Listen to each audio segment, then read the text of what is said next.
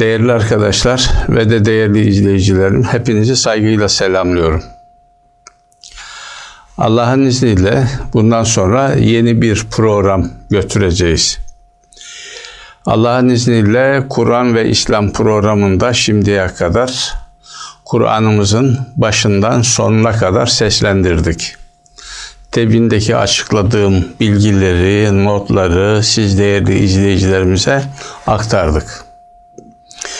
Bundan sonra da dinimizi, Kur'an'ımızı iyi öğrenebilmemiz için Kur'an'daki önemli kelime ve kavramları programlaştıracağız.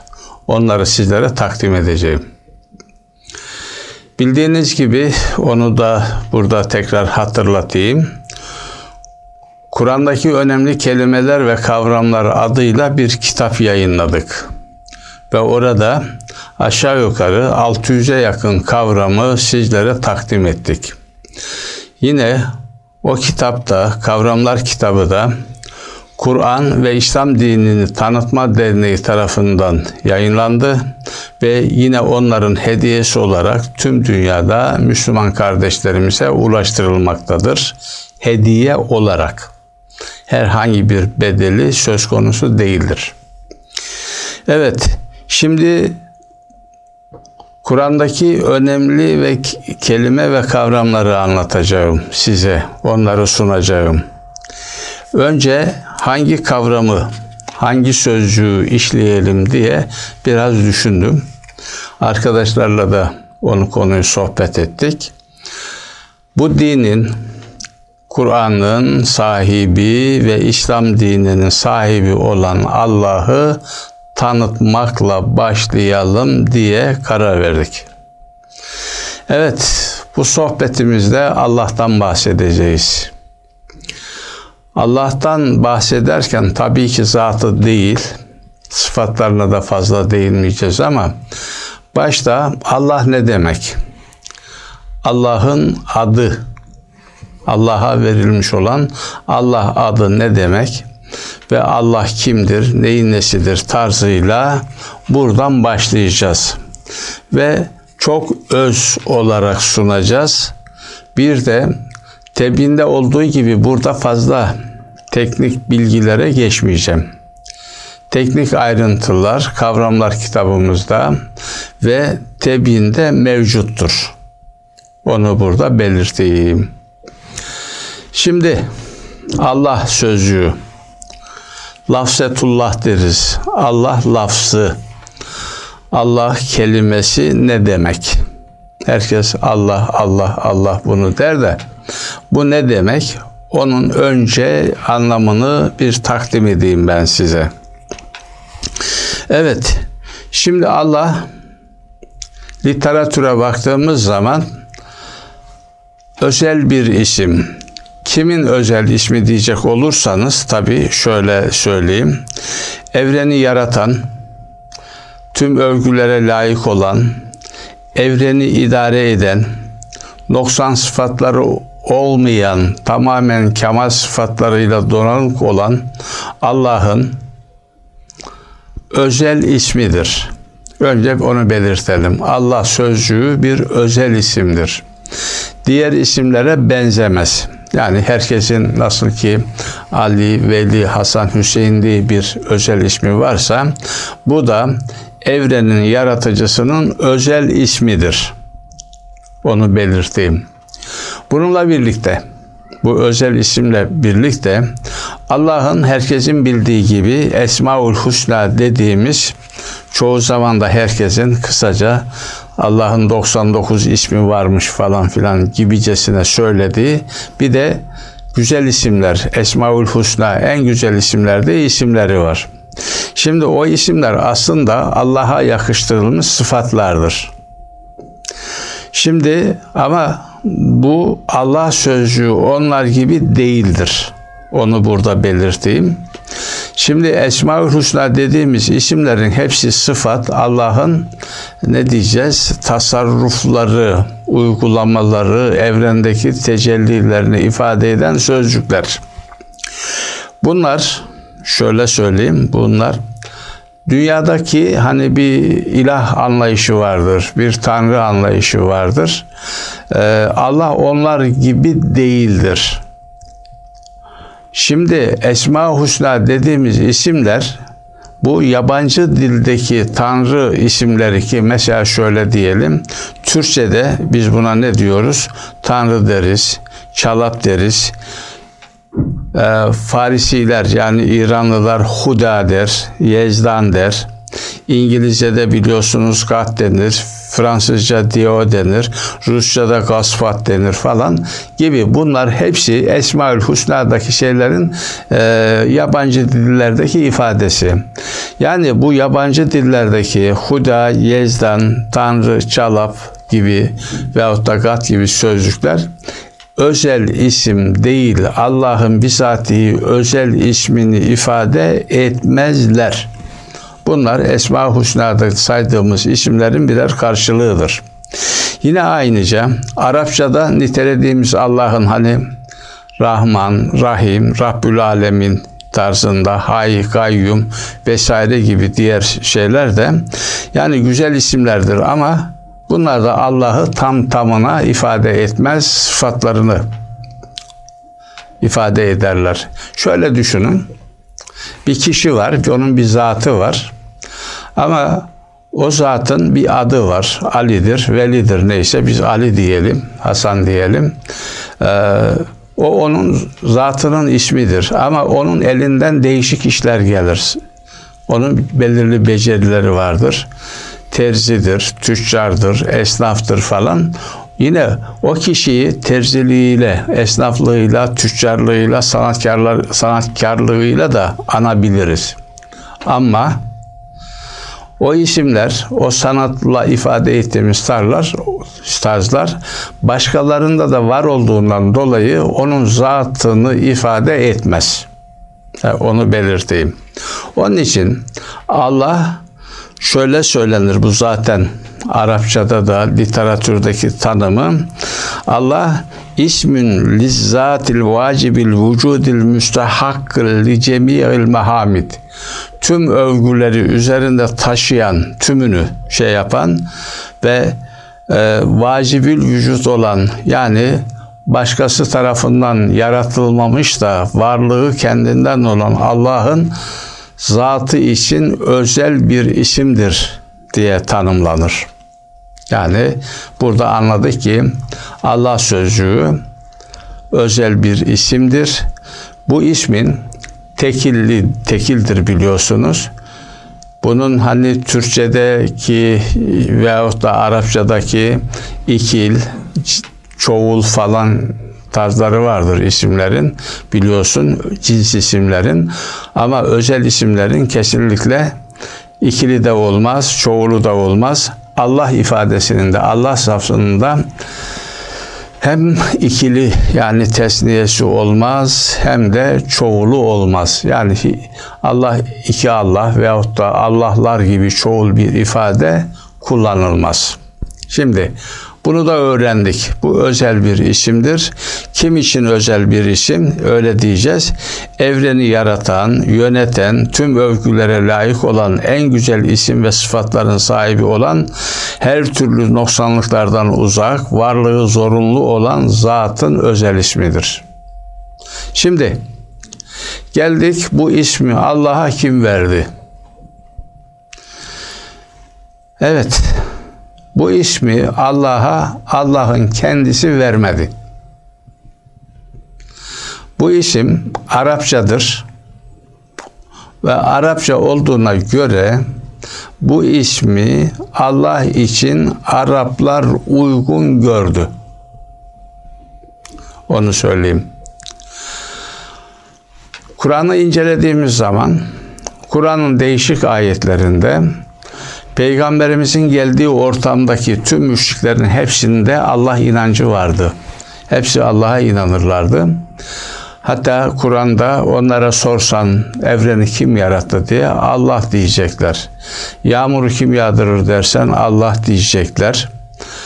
Öyle işte bütün yani e, hepsini yani Allah'a ait şeylerin hepsinde Allah'ı kabul ederlerdi. Ama Onlar Allah'ın Rabliği ve ilahlığıyla ilgili sorunları vardı.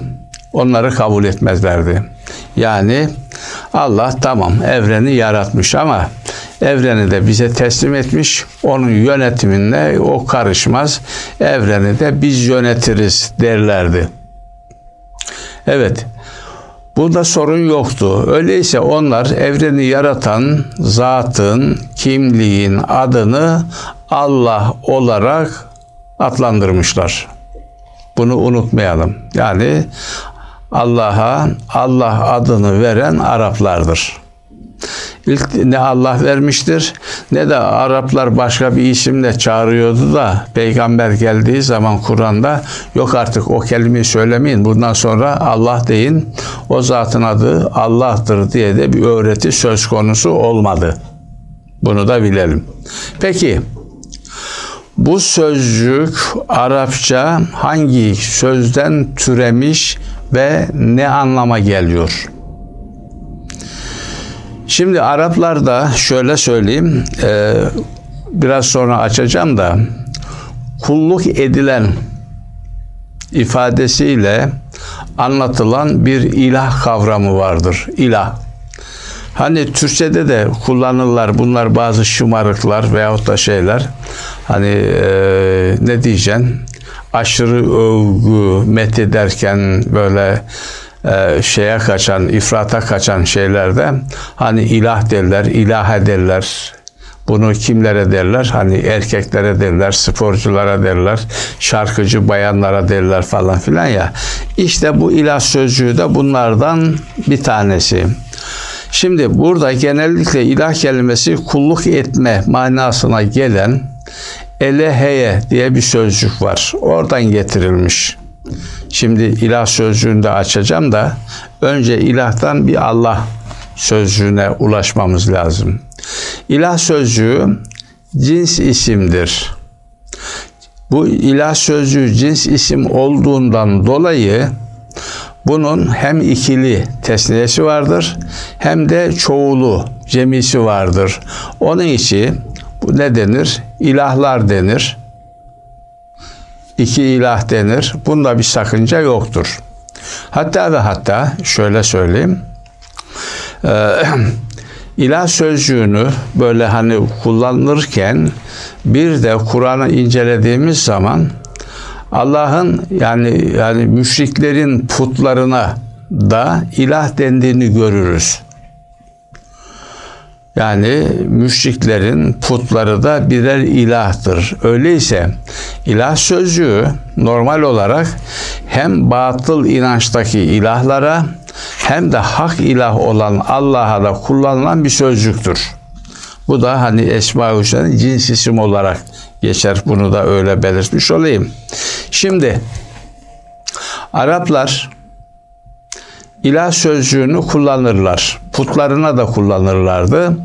Hani gözlerinde büyüttükleri insanlara da kullanırlardı. Ve görünmez varlıklara, cin, şeytan gibi şeyler için de kullanırlardı. Onu bildim.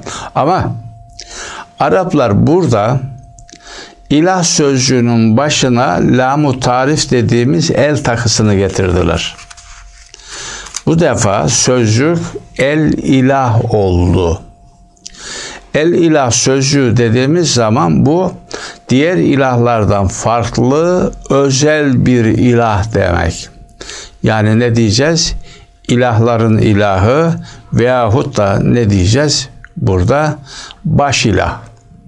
İlahların da ilahı. Özel bir ilah. Ve el ilah, el ilah, el ilah dene dene dene sonradan Arapların dilinde bu sözcük Allah şekline dönüştü. Yani sözcüğün esas yapısı el ilah ama Arapların dilinde bu el Allah sözcüğüne dönüştü ve böyle de kalıplaşmış gitti. Bu tüm dillerde aşağı yukarı e, bu tip şeyler çok kullanılırken bazı sözcükler şekil değiştirir. Aslından biraz daha telaffuzda farklılığa hani geç gider. Bu Türkçemizde de onlarca, yüzlerce sözcükler bu tip şeylerde vardır. Otobüsünden başlayın, televizyonundan, kamerasından falan filan derken şimdi yabancı dildeki bize gelişindeki telaffuzu ayrıdır ve bizim telaffuzumuz da farklıdır. Evet, şimdi dedik ki Allah sözcüğü el ilah sözcüğünden bozularak getirilmiş bir sözcük. Şimdi evet Şimdi ben size ilahla ilgili de hani birkaç şey daha ifade edeyim de ondan sonra Allah'la ilgili diğer bazı ayrıntıları da takdim edeceğim. Şimdi ilah sözcüğü önce sözlüğüm gibi aslında sözcük örtünmek, gizlemek, alışmak ve kulluk demek olan bir kökten gelmekte. Sonra da genelde ibadet edilen, tapınılan, ululanan manalarına geldi. Ve böylece bu sözcük buradan şey yaparak ihtiyaçları gideren, işlerin işlenen amelin karşılığını veren, sükunat bahseden, bahşeden, huzur, rahatlık veren, yücelik, hükmü altına alıp koruyan, musibet anında koruyan anlamları yüklendi. Ve bu anlamda işte Araplar şirke düştü. Yani bir onların el ilah Allah'ları vardı, baş ilahları vardı ama böylece yeryüzünde de bu işleri yapan, rahatlık veren, yücelik, hüküm altına alıp koruyan, musibet anında koruyan bir takım ilahlar edindiler. Bir değil, bir takım ilahlar edindiler. Buna baktığımız zaman insanlar bu ilahları ihtiyaçlarına göre edindiler. Yani Yağmur yağdırmak için bir ilah edindiler. Soğuktan korumak için bir ilah indirdiler. E, meyveler, sebzeler çok olsun diye bir ilah edindiler. Hastalıklarında şifa olsun diye bir ilah edindiler. Ve böylece ilahlar çoğaldı. İlahlar çoğaldığı zaman her ilaha e, tapınan, kulluk eden insanlar da oluştu ve böylece şirk dediğimiz Allah'a ortak koşma yani Allah'ın tasarruflarını, Allah'a ait nitelikleri başka varlıklara da aktardılar ve böylece şirk dediğimiz şey ortaya çıktı. Halbuki halbuki bu şeye baktığımız zaman Hani Kur'an'a baktığımız zaman Allah bütün ilahları yani insanlığın uydurmuş olduğu ihtiyaçlarına göre uydurdukları diyelim e, ilahları hepsini reddetti. Nedir bunu? Bu hani tevhid akidesi dediğimiz la ilahe illallah. Allah'tan başka ilah diye herhangi bir şey söz konusu değildir. Burada teknik olarak söyleyeyim. La ilahenin başındaki la cinsini nefyeden la. Yani ne kadar ilah cinsi diye ne varsa hepsi arkaya.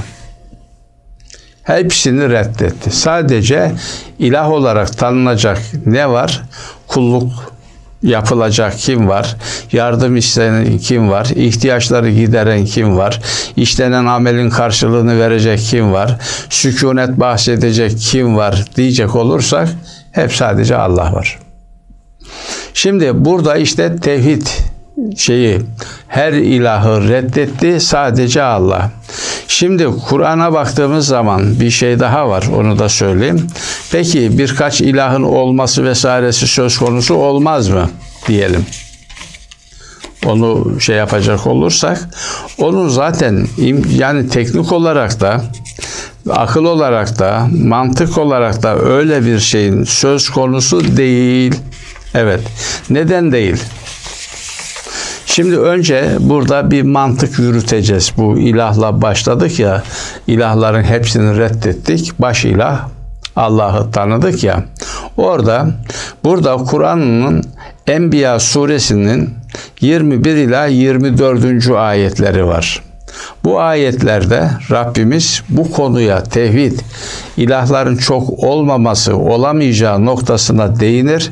Bize akıl, mantıkla da çözebileceğimiz iyi noktalarda yol gösterir. Şöyle der ki öyle şey yapayım.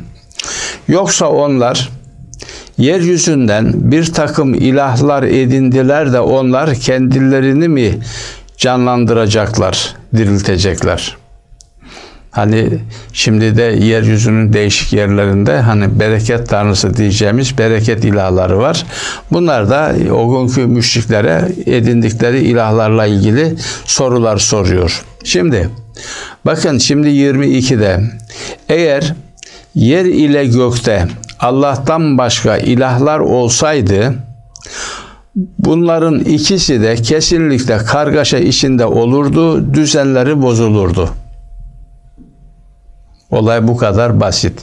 Yani Cenab-ı Hak diyor ki o hani la ilahe illallah ilkesi geldi ya Allah'tan başka ilah diye bir şey söz konusu değil.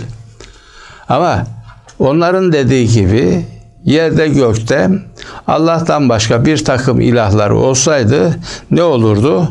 Ha, o zaman yerde ve gökte kargaşa, kaos olurdu. Şimdi bu neye benzer? Şöyle şey yapalım. Ee, mesela bir memlekette, bir ülkede iki tane cumhurbaşkanı olsa, üç tane olsa, dört tane olsa veyahut da bir ilde birkaç tane vali olsa aynı ilde veyahut da yani bir belediyede 3-5 tane belediye başkanı olsa orada herhalde işler düzgün yürümez. Şimdi onu da Cenab-ı Hak burada o kaosun, o fesadın, kargaşanın nasıl olacağını da yine Müminun suresinin 91-92. ayetlerinde çok açık ve net olarak ifade eder. Şöyle ki bak Allah çocuk diye bir şey edinmemiştir. Onunla beraber hiçbir ilah da yoktur. Evet. Onunla beraber hiçbir ilah yoktur. Aksi takdirde yani Allah'la birlikte ilah olsaydı her ilah kesinlikle kendi oluşturduğu şeyle birlikte gider ve kesinlikle diğerleri üzerine üstün olurdu. Evet o ilahlar birkaç tane ilah olduğunu düşünün. Hani ne yapar? İktidar savaşı verirler. Birbirine alt eder. Birisi mağlup olur, birisi galip olur. Zaten mağlup olandan da ilah diye de bir şey söz konusu olmaz. Yani şimdi değişik yani gariban ülkelerin çoğunda hani iktidar yarışı, iktidar savaşı yapanları bilirsiniz.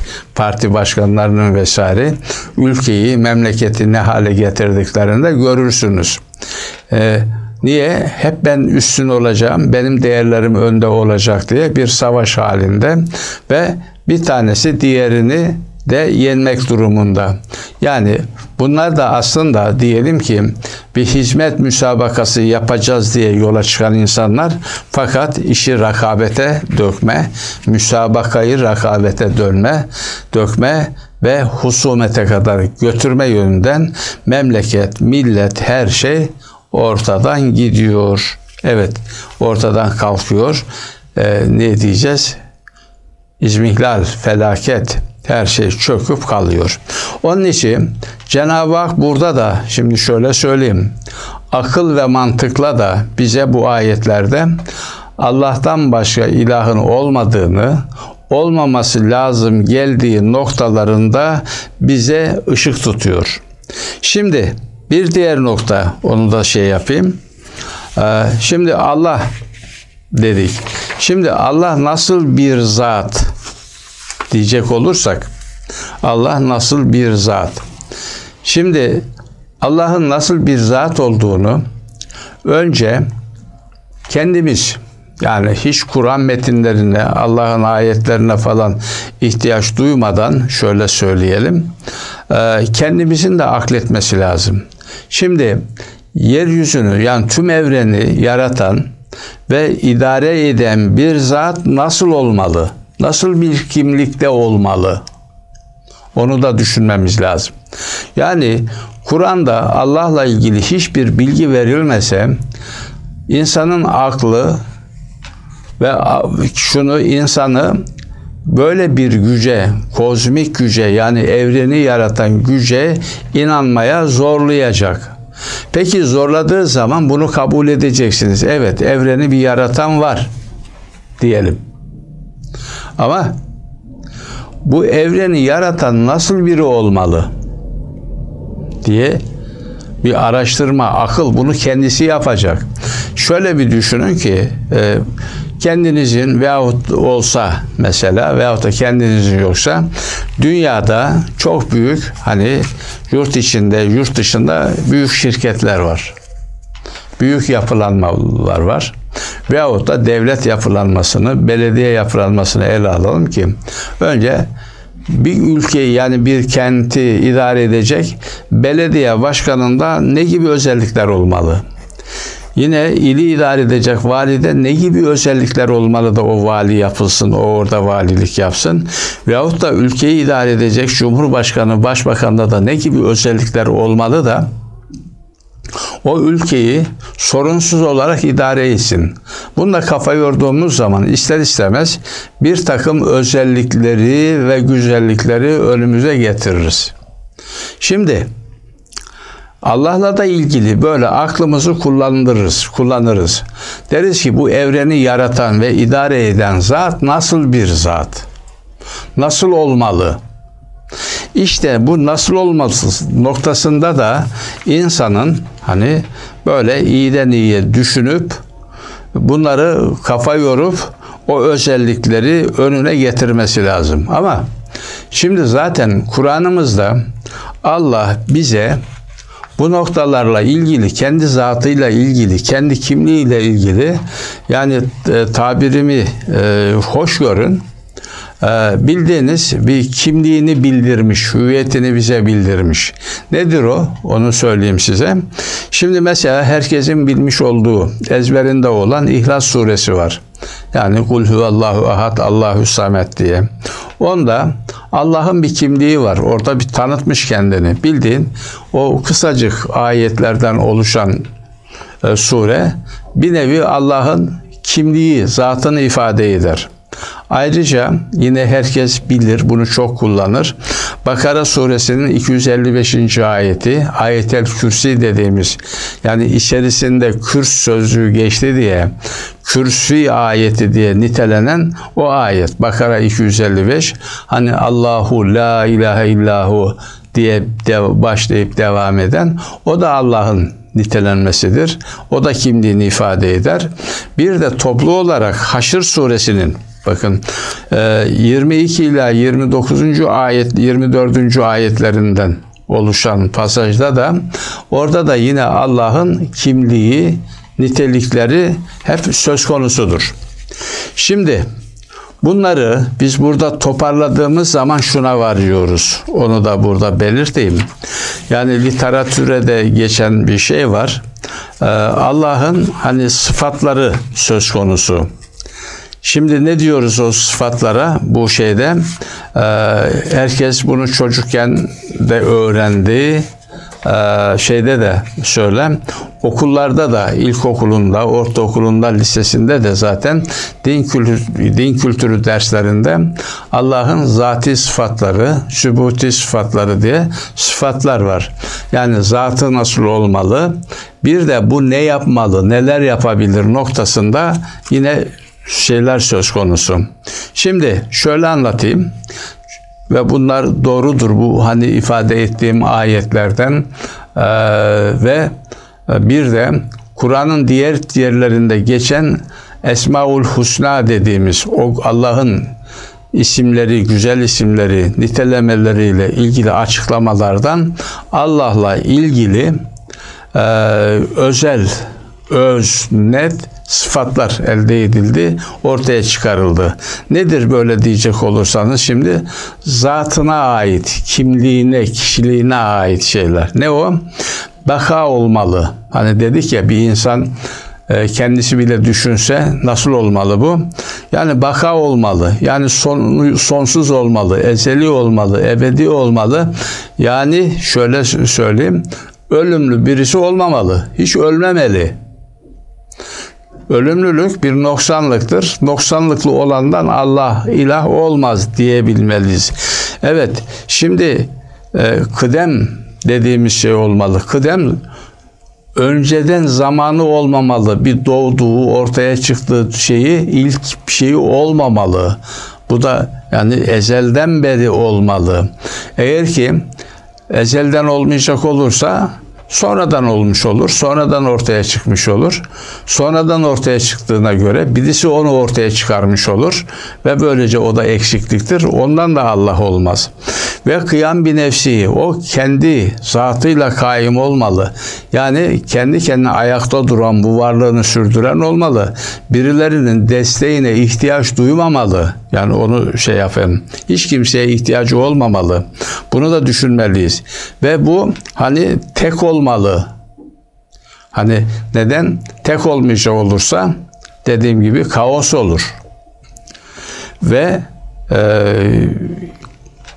Başkası olduğu zaman yani tek olmadığı zaman aralarında kavga olur, gürültü olur derken birisiyle ikisi hani birisi ikisi üçü neyse iktidar mücadelesi yaparken hani bir de kendi aralarında neticesi galibi olur, mağlubu olur ve bir tarafı da yıkılır.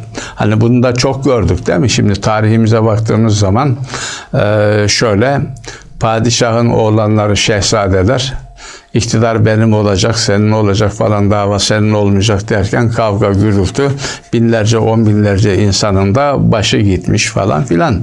İşte onun için halbuki tek merkezden tek şey olacak olursa bunlar söz konusu değil. Evet diğer bir nokta hani ihlasla şey yapan velem yekullehu küfüven ahad ifadesinin buna biz muhalefetün lil havadis diyiz. Diğer varlıkların her birine karşı hiçbirine benzemeyen bir özelliği olmalı. Bunu Kur'an'ın da değişik ayetlerinde bunlar hepsi geniş geniş olmalı. Bu zatına ilgili. Peki bu ne yapmalı? Bu ne icraat yapmalı diyecek olursak icraatına yani e, ne diyeceğiz? Yürütme noktasına baktığımız zaman ne yapması lazım?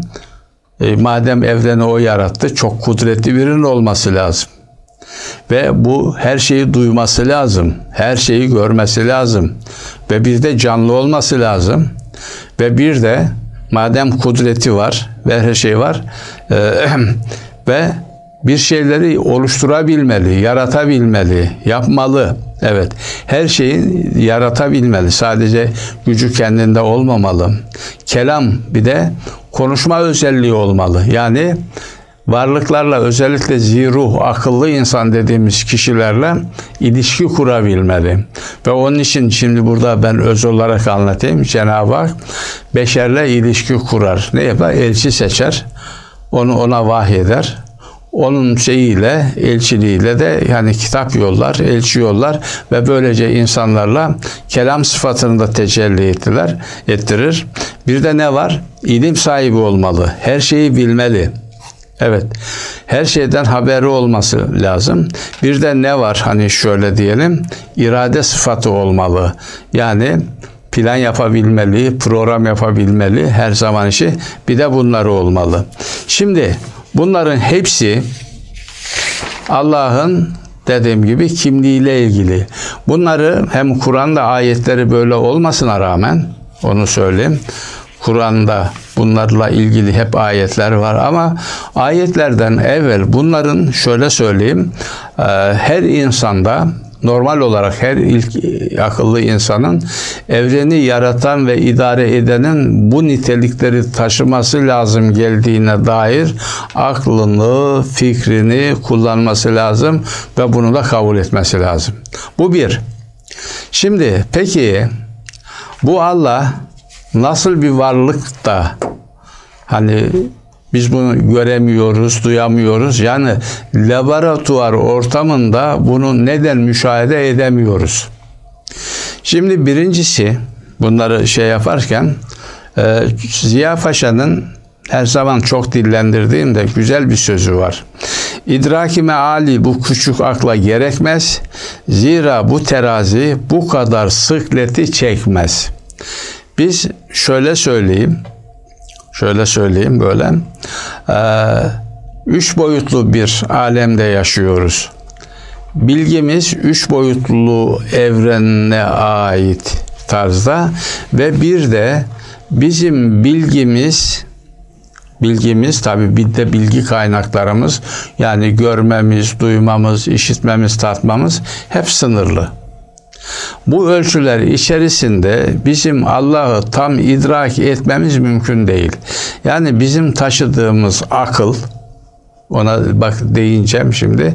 Ee, bu akıl Özellikle geçmişi de daha bizden daha geridelerdi. Şimdi bir araya geldik. Belki yani ileriki çağlarda daha da ileri bir düzeye geçecek akıl, bilgi şey.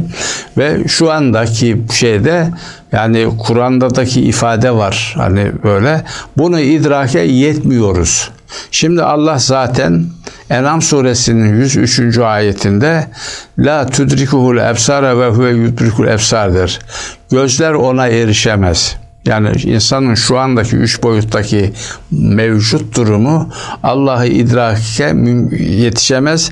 Onun ilmi ise Allah ise her şeyi ihate eder. Allah her şeyi bilir ama insanlar Allah'ın zatını bilemez. Niye dedik? Şimdi aklımız sınırlı, idrakimiz sınırlı. Ee, Birçok şeyi anlama noktasında da yani hep şeyiz, e, zayıfız. Her şeyin künhünü biz bilemiyoruz. Şimdi şöyle onu da belirteyim. Ee, mesela şimdi ben şahsen Hakkı Yılmaz olarak karşımda teknoloji harikalarından bir tane kamera var. Şimdi ben bu kamerayı anlamakta, incelemekte, görmekte bunu bakıyorum.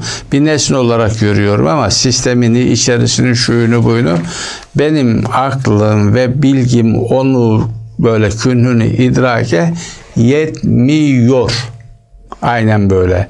Şu anda da insanlığın üç boyuttaki geliştirmiş olduğu akıl, bilgi Allah'ın zatını idrake yeterli değil. Bakın size şimdi burada enteresan Kur'an'dan bir durum anlatacağım. Araf suresinin 143. ayeti. Bakın bu ayette Musa peygamber meali uzun da ben burada öz anlatacağım. Bir an iştaha gelmiş. Allah'ım diyor bana kendini göster. De ben sana nazar edeyim. Bakın ayette çok incelik var. Nazar etme, bakmak, görmek demek değil. Bana kendini göster de seni göreyim demek değil. Nazar, nazariye üretmek demek, fikir üretmek, incelemek. Yani şu anda makale vesaire falan şey boyutlarında incelemeler var ya, onu. Sen bana kendini göster, ben de seni bir inceleyeyim diyor. Allah ona diyor ki, beni sen asla göremezsin. Bu bir. Ve lakin şu dağa nazar et. Yani bir dağ göstermiş. O dağı incele. Onda bir nazariye, teori geliştir. Eğer nazariyen, teorin geniş ve derin derin bilgin, incelemen dağın mekanına e, tam oturursa, dağın bulunduğu yerin önünü, arkasını, altını, üstünü, sağını, solunu, içini, dışını tam ifade ederse, işte o zaman sen beni görürsün. Musa'ya bir akıl veriyor. Sen beni boş ver. Sen şimdi şu dağı bir incele. Laboratuvara al altını, üstünü, önünü, arkasını, yapısını, kimyasını, fizikini, her şeyini bir incele. Yani bunu yapabilirsen o zaman beni de görmen görebilirsin. Ha, böylece ne zaman ki Rabbi Musa'nın dağ gibi sorunları için Musa'yı aydınlattı, bu ne demek? Sen dağı inceleyemiyorsun ki beni inceleyesin. Senin aklın daha yetmiyor. Senin bilgin dağı incelemeye yetmiyor. Ve onun için sen tutarsa bu dar bilginle, kısır bilginle beni nasıl inceleyeceksin diyor. Bunu daha önce bir başka televizyon programında da anlattım. Bu konuyu da size hem latif olsun diye güzel bir fıkra var. Buna hani ışık tutacak olan. Ee, onu da anlatayım da hem latif olsun hem ezberinizde kalsın. Bir tren yolculuğu Tren yolculuğunda hani ne diyeceğiz işte e, Kazanova mı diyeceğiz, çapkın mı diyeceğiz. Delikanlının bir tanesi trende karşısında bir bayanla oturur. Bayan onunla ilgilenmez, kitap okumakla meşgul. Bu bey tutar bayana laf atar. Der ki biraz sohbet edebilir miyiz? O da bayan da der ki niye olmasın ki? Niye olmasın ki? Sohbet ederiz. Neden konuşalım ki der. Şimdi bu beyefendi de hemen konuyu şey yapar. Der ki mesela fizikten, kuantum fiziğinden, astrolojiden, astrofizikten falan filan bahsedelimdir. Kadın olur olur der. Önce ben sana bir soru sorayım der. Ve sorar. Bilirsin der koyun, keçi, inek, deve, eşek her biri bir ot yer. Aynı otu yerler, aynı yiyeceği yerler. Ama dışkılarına bakacak olursan koyunun dışkısı ayrı, keçininki ayrı, ineğinki ayrı, eşeğinki ayrı. Bu dışkılardaki farklılıklar neden oluyordur? O delikanlıya. Adam da der ki bilmiyorum der. Kadın orada taşı yediğine kor. Yahu sen daha bir dışkıdan bile anlamıyorsun der. Sen kuantumdan ne anlayacaksın? Astrofizikten ne anlayacaksın? Kimyadan, biyolojiden ne anlayacaksın der. O art niyetli kişiyi yerine oturtturur. Şimdi evet. Peki Allah'ın biz kendisini görmemiz mümkün değil. Göremiyoruz. Bilgimiz ve yaşadığımız üç boyut buna müsaade etmiyor. Peki yeni şeyde ne var? Şimdi şöyle söyleyeyim. Allah nerede? Uzakta mı? Vesaire bunları ele aldığımız zaman Kaf suresinin 16. ayetinde herkes bunu bilir. Allah kendisini bize bizim şah damarımızdan daha yakın olduğunu bildirir. Yani Allah bize bizden daha da yakın. Uzakta değil. Ama onu idrak edemiyoruz. Şimdi Hadis suresinde bakın şimdi Hadis suresinde orada şu şöyle ifadeler var. O gökleri ve yeri altı evrede oluşturan, sonra en büyük taht üzerinde egemenlik kuran, yeryüzüne gireni, ondan çıkanı, gökten ineni, ona çıkanı bilendir ve nerede olursanız olun o sizinle beraberdir. Allah uzakta değil. Biz nerede olursak olalım bizimle beraber. Şah damarımızdan daha yakın. Mücadele suresinin 7. ayetinde de göklerde olan şeyleri ve yeryüzünde olan şeyleri Allah'ın bildiğini görmedin mi? Hiç düşünmedin mi? Üç kişinin gizli konuştuğu yerde o kesinlikle dördüncüleridir. Beşte de o kesinlikle altıncıdır. Bunlardan az veya çok olsunlar ve nerede bulunurlarsa bulunsunlar o kesinlikle onlarla beraberdir. Allah demek ki her an her yerde insanlarla beraber. Şimdi, şimdi değerli kardeşler, değerli arkadaşlar, özellikle böyle bilimsel araştırmayı yapacaklara falan şey yapayım. Biz bunları geçmişte Allah'ın bize hani şah damarımızdan yakın oluşu, her zaman bizimle beraber oluşu, üç kişi, dört kişi arasında devamlı onunla oluşu noktalarının hep Allah'ın e, ilminin, gücünün, kuvvetinin bizimle beraber olduğunu bizimli kuşattığı noktasıyla anladık. Ama Şimdi şöyle söyleyeyim. Bakın. Kur'an'ımızda Necim suresinin 6. ayeti var. 6. ayette şöyle bir ifade var. Bak Allah'ın esma husnası hep anlatılır. Hani Rahmandır, Rahim'dir, Haydır, Kayyum'dur falan filan da bu sıfat, bu nitelik Esma-ı Husna'da falan kimsenin aklına gelip de koymaz. O da zikredilmez pek.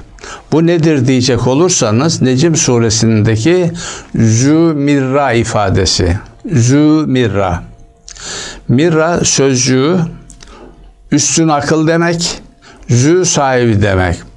Allah'ın burada bir de üstün akıl sahibi olduğu nitelemesi var.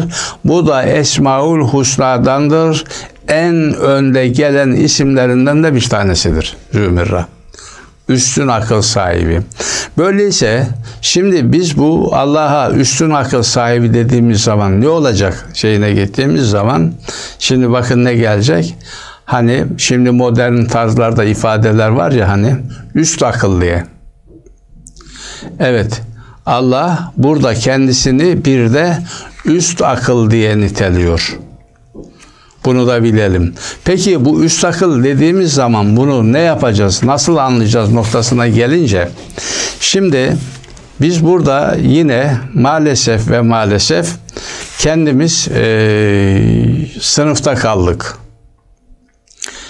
Yabancılar, Hristiyanlar, ne diyelim e, Fransa'da, İngiltere'de, Amerika'da yaşayan bilim adamları özellikle bu kuantum fiziği noktasında araştırmaları yaparken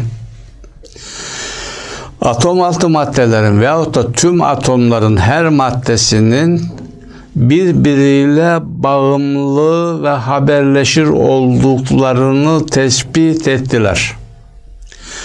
Şimdi özellikle şöyle söyleyeyim. Aspekt diye bir adam ve aspekt deneyi diye bir bilgi vereceğim size. Fizikle, kuantumla ilgili. Detayını ben burada şey yapmayacağım. Bu deneyde aspekt deneyinde evet her zerrenin uzaktakiyle yakındakinin birbiriyle mutlak surette irtibatta olduğu yani nasıl diyeyim şöyle her zerre atom altı her madde bile şöyle düşünün bunu anlatabilmem için birbiriyle bir yerden kontrol ediliyor. Birbirine getirtip götürtülüyor. Hani elimizde televizyon kumandaları vesaire olur da o kanal bu kanal oydu buydu diye elimizden buradan hükmediyoruz ya.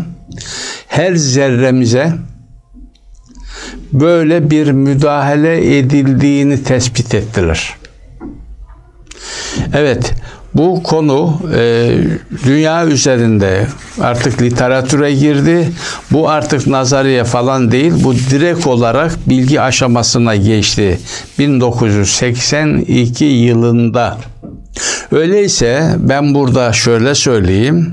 Allah'ın bize şah damarımızdan yakın oluşu sadece bilgiyle değil.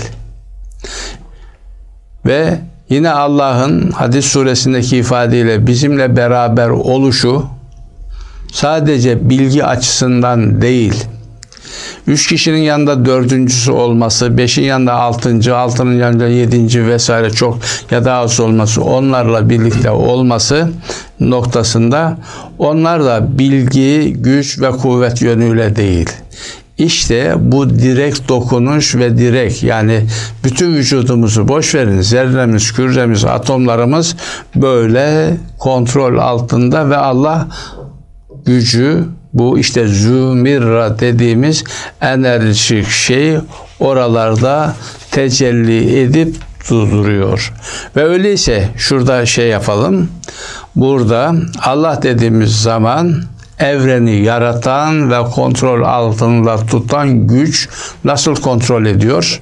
Bilim adamları işte burada gördüler ki bizim bütünümüzü değil, hücremizin içindeki atomların da içerisindeki atom altı maddeleri bile böyle onlarla e, onları kontrol ettiği noktasında. Öyleyse ben şuna inanıyorum. Bugün için hani şöyle e, Allah'ı şey yaparken bütün yazarlarımız, çizerlerimiz e, hep şey diyorlardı biliyorsun şöyle kabul ediliyordu. İşte Allah konusu metafizik bir olay. Yani fizik ötesi, fiziğin ötesindeki bir olay, arkasındaki bir olay diyordu. Bilim adamları Allah inancını, Allah'ın varlığını, bildiğini, Allah'la ilgili konuları benim kanaatim çok yakın zamanda metafizik olmaktan çıkarıp bize farklı bilgiler vereceklerdir. Evet, Allah'la ilgili çok anlatılacak şeyler var. Bunları hani Kur'an ve İslam programında şeylerinde anlattık. Bunların kaynağında anlattık. Burada Allah'ın zatı ile ilgili, Allah kavramıyla ilgili kavramsal olarak size bu bilgileri sunduk. Kur'an'ımızda Allah'ın diğer nitelikleriyle ilgili gerekli açıklamalar bizzat Allah tarafından verilmiştir. Teşekkür ediyorum dinleyen arkadaşlara da ve değerli izleyicilerim size de saygılar sunuyorum. Hoşçakalın.